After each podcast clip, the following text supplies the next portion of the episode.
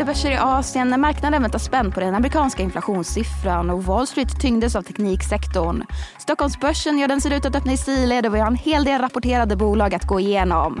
Det är torsdag den 10 augusti, du lyssnar på DI Morgonkoll och jag heter Sofie Gräsberg.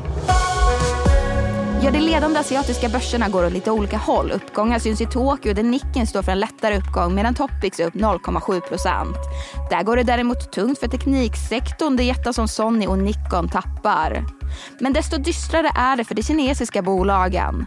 Hongkongsbörsen, där många kinesiska bolag är listade, tappar nästan en hel procent. Det hårt pressade fastighetsjätten Country Garden fortsätter att falla på börsen. Men även de stora e-handlarna Alibaba och JD.com tappar idag. Och investeringshumöret dämpas givetvis av gårdagens makrodata som visade på att Kina befinner sig i en deflation.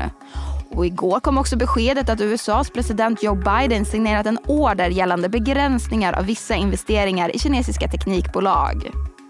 Vilket för oss direkt vidare till USA där det var en sur dag för Wall Street. Breda S&P 500 stängde ner 0,7% medan tekniktunga Nasdaq var ner hela 1,2% Och det var extra tungt för just tekniksektorn. Jättar som Nvidia, Tesla och Meta backar alla mellan 4 och dryga 2 och marknaden präglas av dagens viktiga makrodata. Senare idag får vi nämligen julisiffran för den amerikanska inflationen. Vilket kommer att vara av vikt inför framtida räntebesked från Fed. Väntat är att inflationen faller något men frågan är om det är tillräckligt snabbt för Fed. Men om vi återgår till enskilda bolag, för det kom ju en del rapporter även igår. Spelplattformsbolaget Roblox rasade med 22 procent sedan rapporten för det andra kvartalet underträffar förväntningarna. Både när det gäller intäkter och resultat.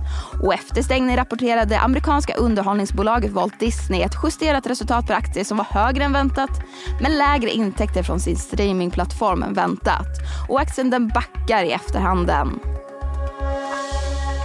Sverige så mobilspelsbolaget G5 Entertainment rapporterar ett högre rörelseresultat än väntat. Utfallet var 6% högre än analytikernas genomsnittliga förväntan som var 36,8 miljoner kronor enligt en sammanställning gjord av Infront.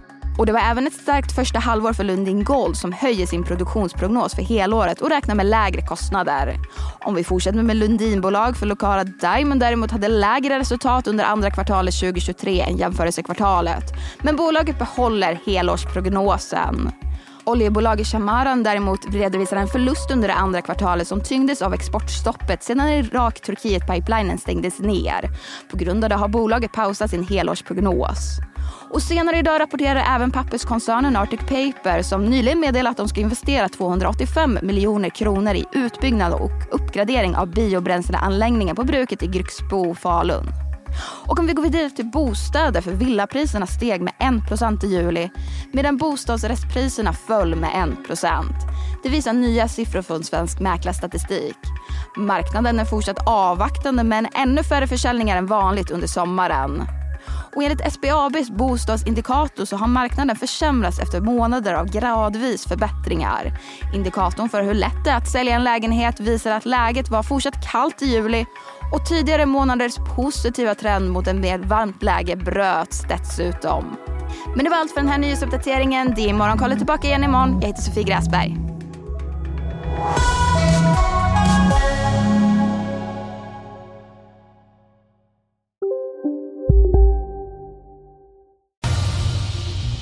Expressen gör varje vecka podden Politikrummet där vi djupdyker i det senaste och viktigaste inom svensk politik. Med mig, Filippa Rogvall, som programledare tillsammans med mina vassa kollegor. Och det är ju ni som heter Thomas Nordenskjöld, Anette Holmqvist och Viktor Bartkron. Politikrummet kommer med ett nytt avsnitt varje tisdag. Vi hörs. Hej, Ulf Kristersson här. På många sätt är det en mörk tid vi lever i. Men nu tar vi ett stort steg för att göra Sverige till en tryggare och säkrare plats. Sverige är nu medlem i Nato. En för alla, alla för en.